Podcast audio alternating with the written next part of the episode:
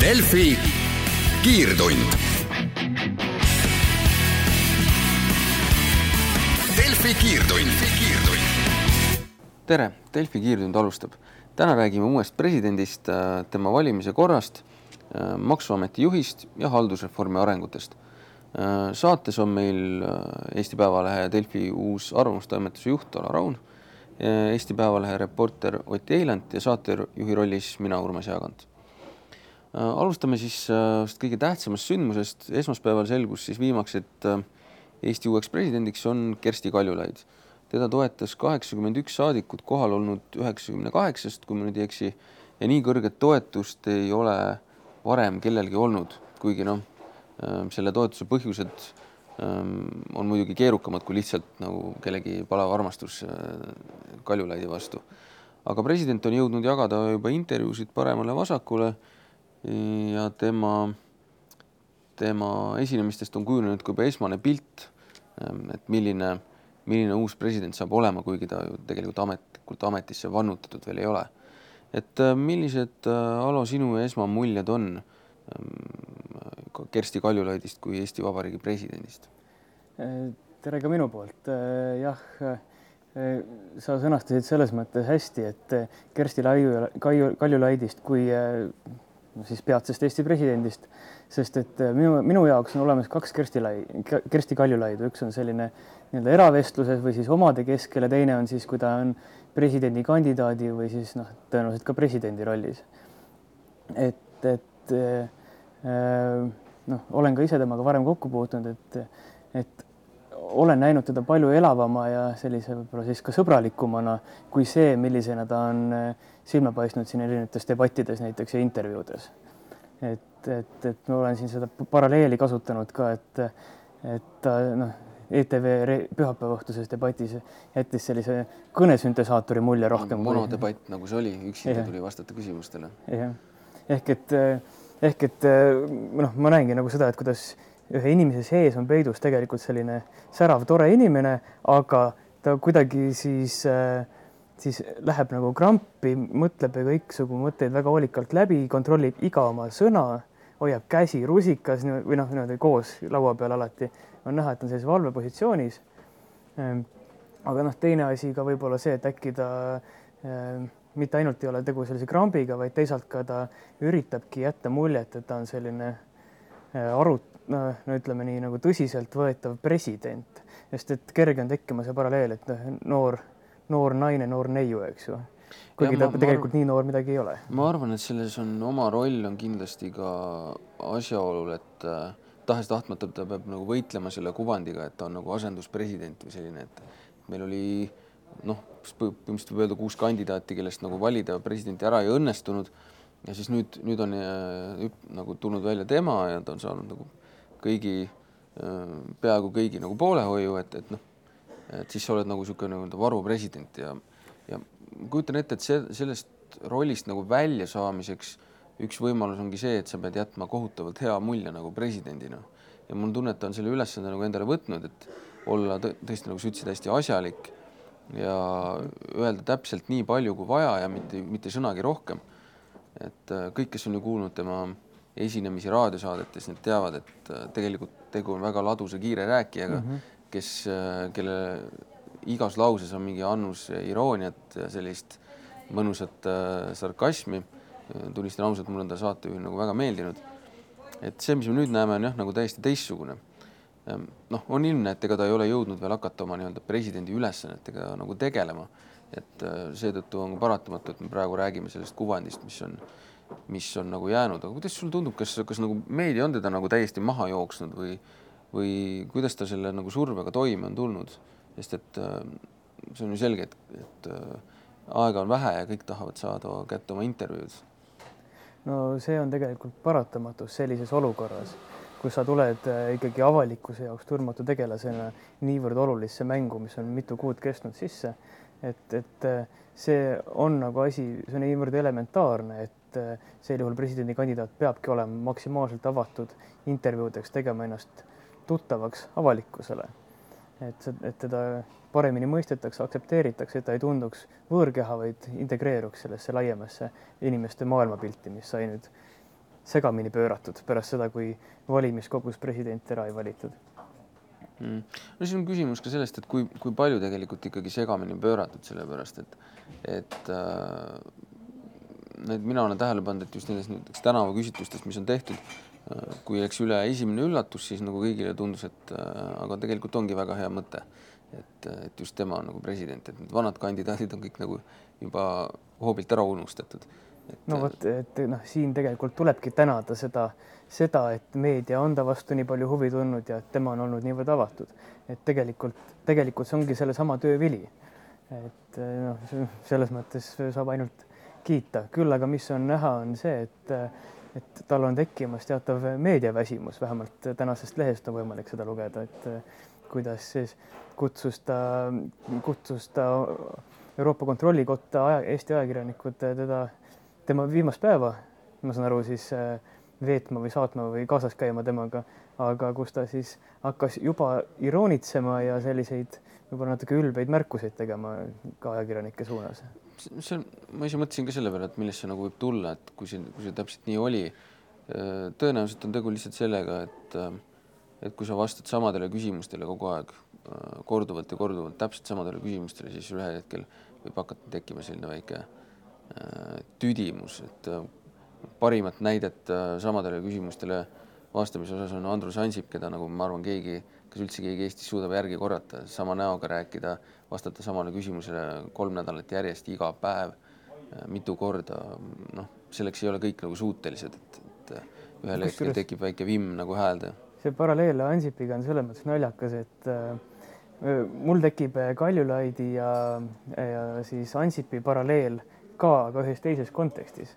ehk et äh, see, kuidas Kaljulaid vastab ajakirjanike küsimustele või noh, osaleb debattides, selline monotoonse nii-öelda robotlikult, on tegelikult, mida me oleme varem Eesti poliitikas näinud just Ansipi näitena, kes on seda asja teinud, aga jah, seal võib-olla on siis see sisu vahe, eks ju, et, et sa vorm, kuidas sa vastad, on samasugune, aga siis vastused on pigem teistpidi, et ühele meeldibki korrata, teine siis nagu näha, siis võib-olla kaua ei viitsi enam.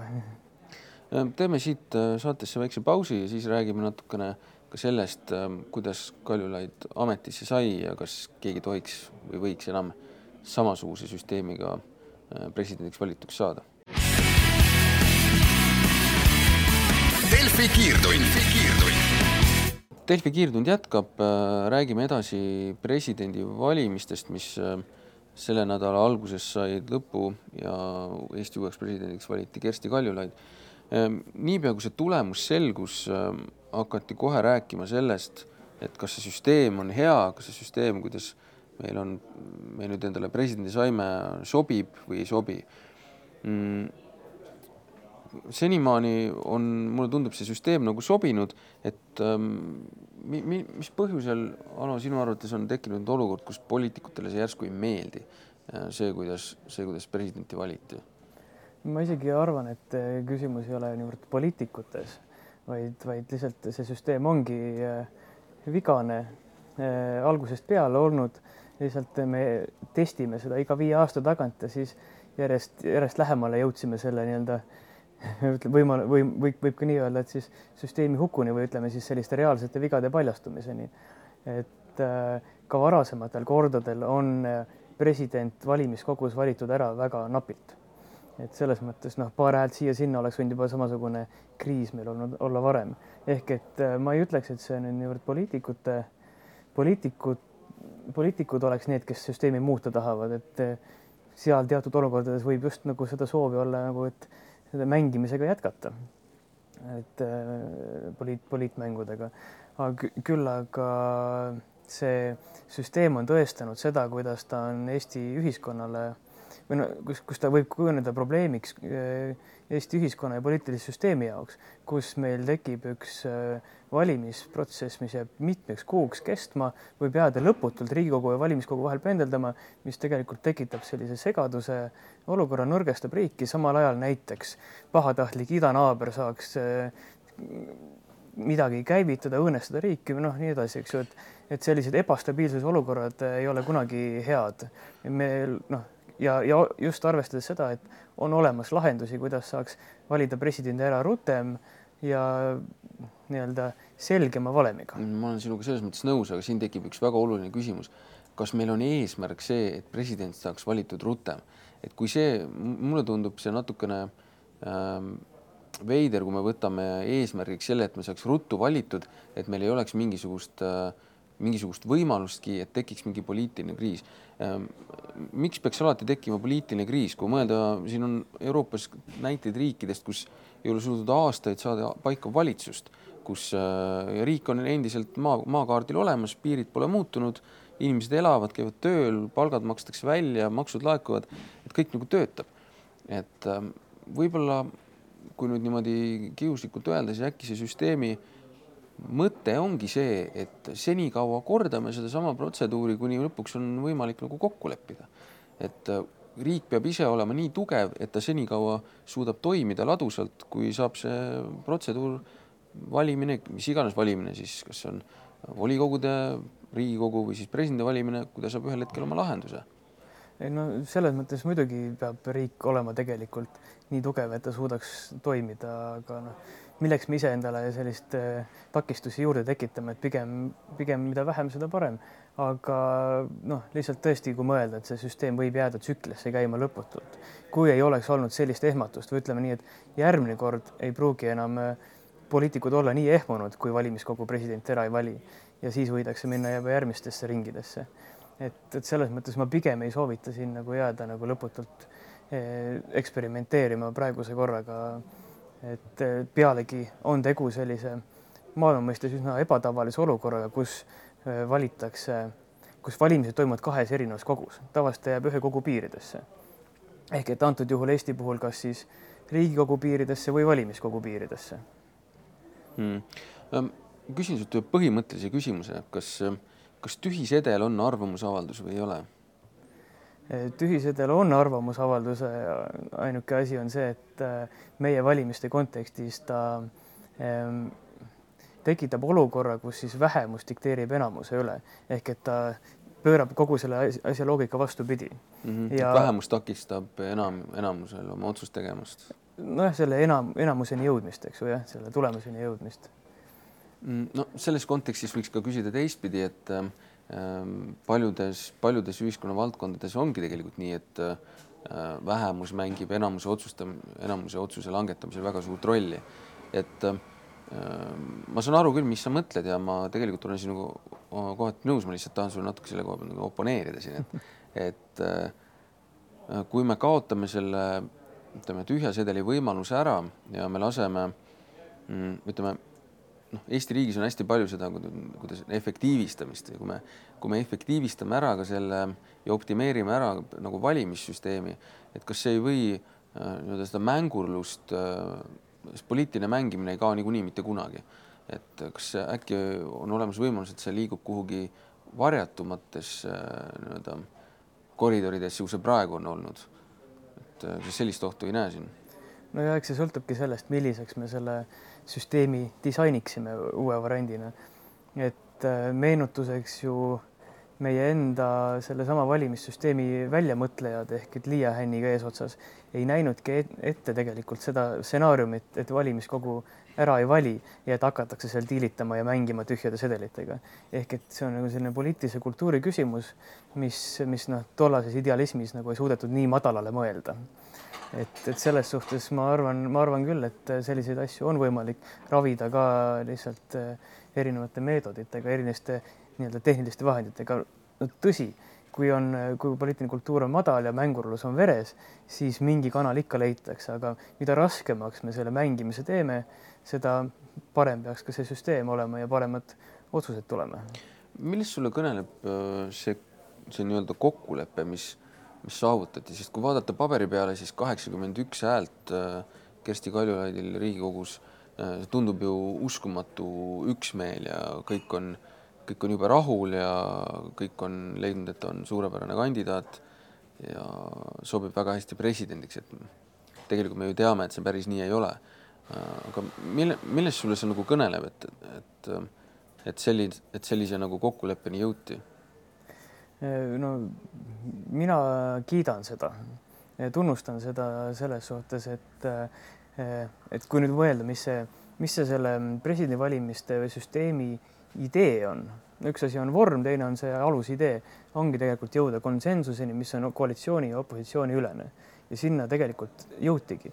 küll see käis väga rasket teed pidi ja suurte ehmatuste tulemusena ja noh, kõigutades juba kogu süsteemi usaldusväärsust ja valitsuse usaldusväärsust. Aga, aga teisalt jah, nii-öelda see, see on nagu näide sellest, mida võiks Eesti poliitikas rohkem olla, sellist opositsiooni ja koalitsiooni ülese konsensuse otsimist. minu jaoks on nagu selle, ma olen sinuga nõus, minu jaoks on häiriv, on see et sellise kokkuleppe jõudmiseni, mida ju otsiti tegelikult juba ammu, et äh, Taavi Rõivas käis ja korrutas, ma arvan, juba aprillikuus saadik, et kuidas tuleb leida ühiskandidaat, kuidas erakonnad peavad otsima konsensust ja leidma nagu kõikidele osapooltele niisuguse parima võimaliku valiku. ja iga kord, mida järgmine voor läbi kukkus, seda uuesti, seda rohkem tuldi rääkima, no nüüd me peame küll leidma ühiskandidaadi ja nüüd me peame otsima seda konsensust.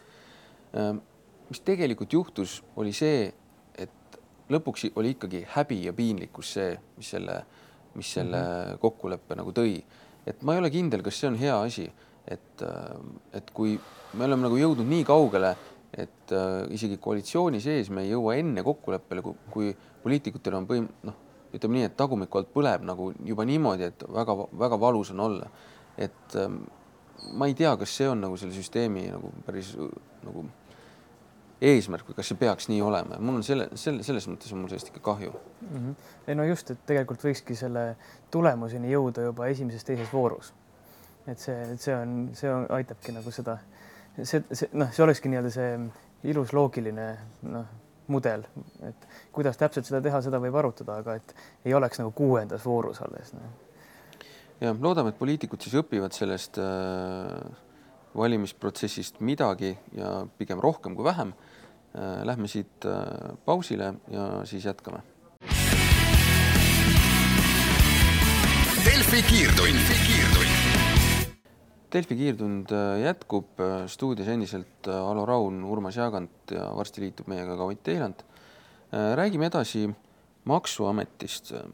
maksuamet kaotas sel nädalal, noh, küll tegelikult tehniliselt veel mitte, aga sai avalikuks, et Maksuameti juht Marek Helm lahkub ja siirdub erasektorisse, asudes siis tööle IT-ettevõttes Nortal. Mm, ilma kahtluseta Maksuamet on üks, äh, üks efektiivsemaid riigiasutusi, mis on saanud peaaegu igal aastal äh, kõvasti kiita.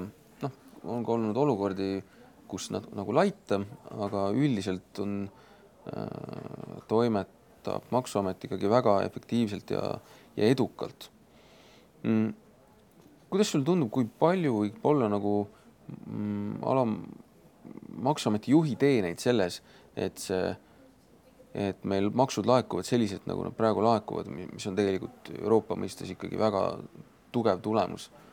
meil, meil maksuauk tõenäoliselt üks väiksemaid. nojah, et äh, ei saa salata, et Marek Helme on äh, isiksus omaette ehk et äh, juhil ja juhil on vahe ja tõesti, ta on, on olnud selline, selline, kuidas nüüd öelda siis äh, läbimurdja, jäämurdja, ütleme nii, äh, Eesti avalikus sektoris ehk et inimene, kes on suuri muutusi ellu viinud, äh, järjest ette võtnud ja, ja ka tulemusteni jõudnud. et, et selles mõttes tuleb kindlasti tunnustada teda nende tulemuste eest ja tulemusi tal, tal ka on. Teine asi on muidugi see, et juhil peab olema alati meeskond, et kui ka nüüd äh, Helm lahkub, siis tema meeskond ju jääb alles. ehk et äh, selles mõttes äh, ma usuks, et nii võimekal juhil on ka tegelikult meeskond üsna hästi komplekteeritud, et, et, et selles mõttes see töö, töö ka jätkub ja me saame ka häid tulemusi ka edaspidi sealt valdkonnast. minul jääb tema, tema tööst nagu vist tõenäoliselt kõige rohkem meelde see, kui, kuidas ta põhimõtteliselt näitas ikkagi poliitikutele koha kätte selles osas, et et avaliku sektori ametijuhist ei ole lihtsalt võimalik poliitiliste otsuste läbisurumisega üle sõita. et mäletatavasti ühel hetkel hakkas äh, eelarves äh, rahapuudus nagu pigistama ja, ja ka Maksuamet ise on muidugi selles suunas liikunud, et koguda kokku võimalikult suur hulk makse, aga ühel hetkel oli, oldi olukorras, kus mm, tuldi välja sellise kuidas see nüüd täpselt oligi, kurikuulus autode käibemaksu teema ja kus põhimõtteliselt maksuametnikud läksid siis spordiklubide mm -hmm. uste taha vaatama, et kas keegi käib ametiautoga näiteks trennis.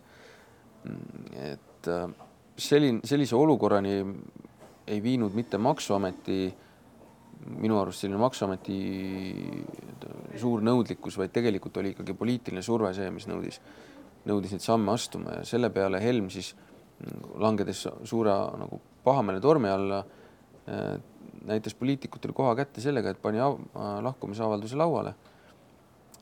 ja teda ei lastud ametist lahti, mis tähendas, et poliitikud sisuliselt võtsid sellega vastutuse iseenda peale, ehk siis äh, leidsid, et Helm on käitunud õigesti.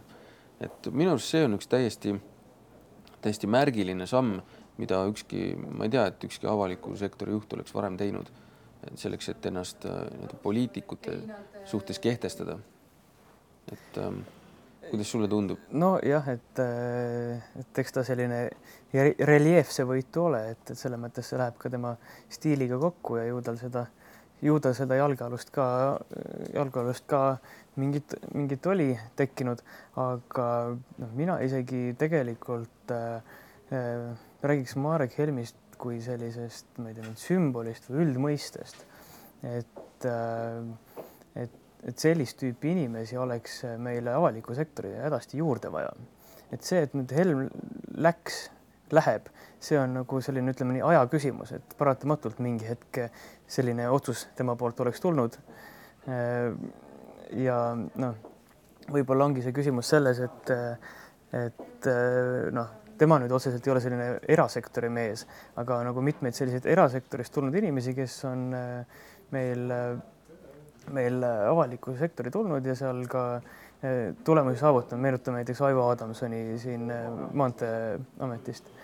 et, et, et see on nagu ütleme nii, siis tõesti see, see siis Marek Helmi fenomen või noh, Helmi tee fenomen, et see on minu arust see kõige tähtsam asi, et, et kuidas me meelitaksime sellist tüüpi inimesi rohkem avalikku sektorisse ja teine asi, kuidas me annaksime neile ka reaalselt vabad käed midagi teha ja saavutada, et minu arust see on üks põhilisi asju, et talendid tulevad kohale ja siis organisatsiooni kultuur, mis sõdib iga muutuse vastu täie hingega, lihtsalt ruineerib nad ära ja tulemuseni ei jõuta. jah, seda kummalisem on tegelikult see, et Maksuameti juhi kohale ju mäletatavasti oli, oli pikalt konkurssi, keegi nagu ei tahtnudki sinna väga minna mm, -hmm. kui siis Helm lõpuks selle otsuse vastu võttis. Et ähm, võib-olla noh, nüüd tagantjärele võib mõelda, et võib-olla ta, ta oligi nõus üldse sinna astuma sellepärast, et ta sai täpselt nii vabad käed, kui ta sai. ja me nägime, et tulemus oli tõesti hea. et äh, ega inimesel ei saa tõesti pahaks panna, et ta tahab nagu erasektorisse tagasi minna.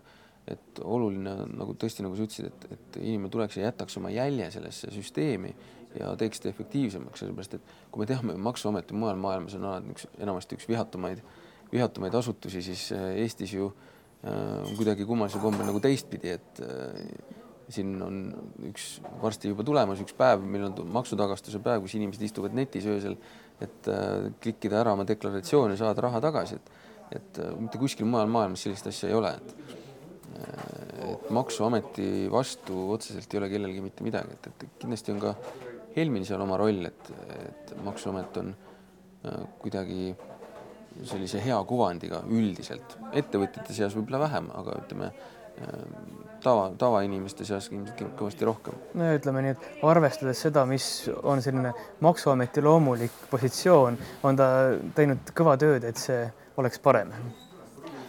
siit lähme veel korra pausile ja siis jätkame saate viimase osaga. Delfi kiirtund tere tulemast tagasi, jätkame Delfi kiirtunni viimase osaga, kus äh, Urmas Jaagant ja Ott Eiland räägivad nüüd haldusreformi arengutest. Äh, sellega on nüüd asjad jõudnud nii kaugele, et äh, haldusreformi teatud aspektide seaduslikkust peab omavalitsuste nõudmisel asuma vaagima Riigikohus. õigemini nad juba asusid, teisipäeval toimus esimene avalik istung, kus siis osapooled oma seisukohti selgitasid, et Oti, sa käisid seal kohal. mis nende omavalitsusjuhtide mure siis on?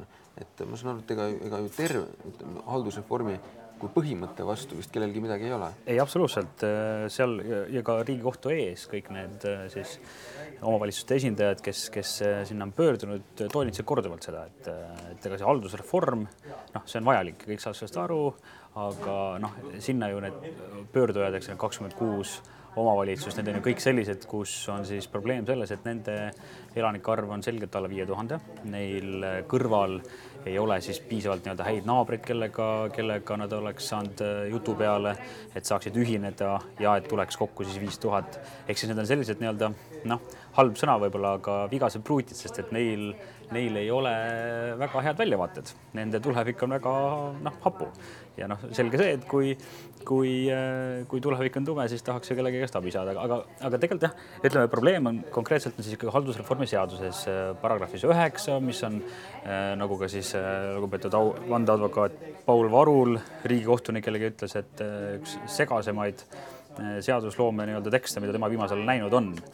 ja, ja, ja seal on, noh, seal tõesti ongi päris mitmeid küsimusi, et kuidas äh, näiteks isegi, et kelle poole äh, peab pöörduma siis omavalitsus, kui talle see sundliitmise määrus tehakse. ka riigikohtunikud äh, siis teisipäeval Tartus Riigikohtus ei, ei teadnud, noh, kuhu siis peavad pöörduma, kas halduskohtusse, otse Riigikohtu siis äh, põhiseadusliku järelevalve, järelevalve kolleegiumi poole, et kuhu, et noh, lihtsalt ka juba nii põhimõtteline asi on tegelikult täna ebaselge. lisaks siis noh, lisaks mõistagi häiris neid see, et et kuidas on, kust see viis tuhat, see number viis tuhat tuleb, noh, selle üle seal kõvasti vaieldi. Äh, omavalitsuste siis esindajad tõid välja, et näed, et nendel on mitmeid teadlasi, kes ütlevad, et see number võib olla ka kolm tuhat viissada, see ei pea olema viis tuhat. Äh, ja, ja, ja siis muidugi seal noh, kohtunikud reageerisid, et, et noh, tõepoolest, et, et kas siis kas siis, noh, kuidas siis üldse saab sellist asja noh, nii-öelda, kus see piir tõmmata. et nad tõid näite seal kohtu, riigikohtunik küsis, et, et kui, kui teovõime vanus algab neljateistkümnest eluaastast ja, ja isik on kolm päeva enne oma neljateistkümneks saamist, eks ole, siis täiesti teovõimeline, saab aru, mida ta teeb, et noh, kas siis saab seda arvestada, noh. seaduses peab olema kuskil piir ja, ja sellepärast ongi, see ongi poliitiline otsus, aga rõhutas Arto Aas, Kalle Laanet, noh, kõik nii-öelda siis need riigi esindajad, kes kes selle vastu rääkisid ja, ja, ja. see, see ongi nagu küsimus, et kuidas nagu, kas tegelikult Riigikohus saab sel juhul üldse otsustada poliitilise otsuse üle, et otsustada, kas poliitiline otsus on olnud õige või ei ole olnud õige jah, see on, see on naljakas. see on, see on natuke kummaline ja noh, seesama, sama aspekt, et kui riigikohtunik küsib Äh, kohtusaalis siis ministrite käest, Riigikogu liikmete käest, et mida me tegema peame, noh, küsimuse stiilis, siis see on juba noh, juba see kontseptsioon on natuke kummaline, eks ole, aga aga no näiteks Kalle Laanet ütles selle peale, et see on äh, siis küpse ühiskonna nagu tunnus, et ega, ega ei noh, riigi, Riigikohus äh, ei pea ka olema äh, siis äh, nüüd kõige kõrgemal ja, ja siis suutma, suutma kõiki asju, kõiki, kõiki seaduse tekste üheselt tõlgendada, see on täiesti normaalne, et arutatakse selle üle ja jõutakse siis kuidagi nagu noh, ühisele arusaamisele, et et jah, et noh, poliitilise otsuse üle nad mõistagi otsustada ei saa, nad saavad otsustada selle üle, kas see on põhiseadusega siis nii äh, julmalt vastuolus, et seda ei saaks läbi viia, noh, suure tõenäosusega Riigikohus seda ei otsusta. mulle tundub ka, okei okay,, võib-olla suure tõenäosusega ei otsusta, aga mulle, mulle on jätnud nagu riigi esindajad väga, poliitikud sellise väga see enesekindla mulje, et et kuidas sulle tundub, kas nende enesekindlus äh, ei ole äkki kohati liigne, et mis siis nagu tegelikult võiks saada, et kui, kui see otsus äh, pöörduks nagu nende vastu, ehk siis omavalitsustele oleks see tulemus nagu soodsam kui riigile? no minule, minule tundub, et ja, ja, ja nagu kogu selle protsessi nüüd kõrvalt jälgides et, et seal ei ole liigset enesekindlust, seal on, mulle tõesti täiesti siiralt tundub, et äh, päris nagu riigimehelikult seda asja aetud, seda nagu ka justiitsminister Urmas Reinsalu seal rõhutas, et seda on aetud nagu, selle protsessi on aetud ühe inimkonna, inimpõlve jagu, eks ole. Äh, aastakümneid on seda aetud ja, ja, ja noh, et, et rääkida sellest, et kuidagi midagi kiirustades tehes on tehtud või, või et kuskilt on kellelegi tahetakse liiga teha, noh, mina seda ka tõesti ei näe. Ma mõistan nende väikevaldade ja ka siis Loksa linna vist jah, äh, muret, aga, aga, aga ma, ma olen ka seda meelt, et, et see ei ole normaalne, kui, kui meil on sadu omavalitsusi, kus rahvaarv on väiksem kui ühes Lasnamäe majas. et, et noh, see ei ole lihtsalt mõistlik ja see olukord peab muutuma Ehm, eks me siis näeme, kui kaugele Riigikohus selle asjaga jõuab. Ehm, mida näeb ette nagu haldusreformi nagu järgmised protseduurid, et on sul teada, et kas nüüd, kas nüüd see asi nagu seisabki ka selle halduskoht, vabandust, Riigikohtu otsuse taga või, või mingid protsessid saavad samal ajal ikkagi edasi toimuda? ei, see ei tohiks segada kuidagi, sellepärast et eh, need tähtaegad, tähtajad on pikalt teada järgmisest aastast. ma usun muidugi, et Riigikohus jõuab selle ikkagi selle aastaga ära otsustada, kuigi neil tehniliselt on aega järgmise aasta jaanuari lõpuni. Et ma arvan, nad suudavad selle otsuse varem ära teha ja, ja see ei tohiks segada küll, sest et need, need tähtajad on pikalt teada, seadus on jõustunud. et see, kuidas nad sealt noh hakatakse siis läbi rääkima, see, ei tohiks segada, küll aga mida ta segab, on, võib segada, mida ta, mida, mida siis nagu rõhutas ka õiguskantsler Ülle Madise, et äh, kohalike omavalitsuste valimisi. et seal ju need äh, omavalitsuste tulevik on nagu öeldud tume, ei teagi, kes seal, kust piirid hakkavad selleks ajaks jooksma ja, ja seal on, seal on tähtaegadega, tähtaegadega see probleem, et kui äh, viisteist juuli vist oli see viimane päev, kus siis nii-öelda need omavalitsused, kellel on see sundliitmise määrus tehtud, saavad selle vaidlustada ja, ja see, selle, selle omakorda nii-öelda protsessimiseks on aega siis kuni selle ajani, kui tegelikult juba hakkab kohalike omavalitsuste valimine pihta. ja noh, see tekitab, võib tekitada segadust. võib, noh, loodame, et loodame, et muidugi ei teki, aga noh, samas jällegi me räägime üksik, üksikjuhtudest. nojah, loodame, et tõesti sellega mingit segadust ei teki, loodame, et Riigikohus jõuab äh, Äh, mõistliku otsuseni ja loodame, et tõesti haldusreform ühel või teisel kujul ikkagi tehtud saab. Äh, sellega Delfi kiirtund tänaseks lõpetab, täname kõiki kuulajaid, täname saatekülalisi. Äh, kohtume järgmisel nädalal jälle. Delfi kiirtund. Delfi kiirtund,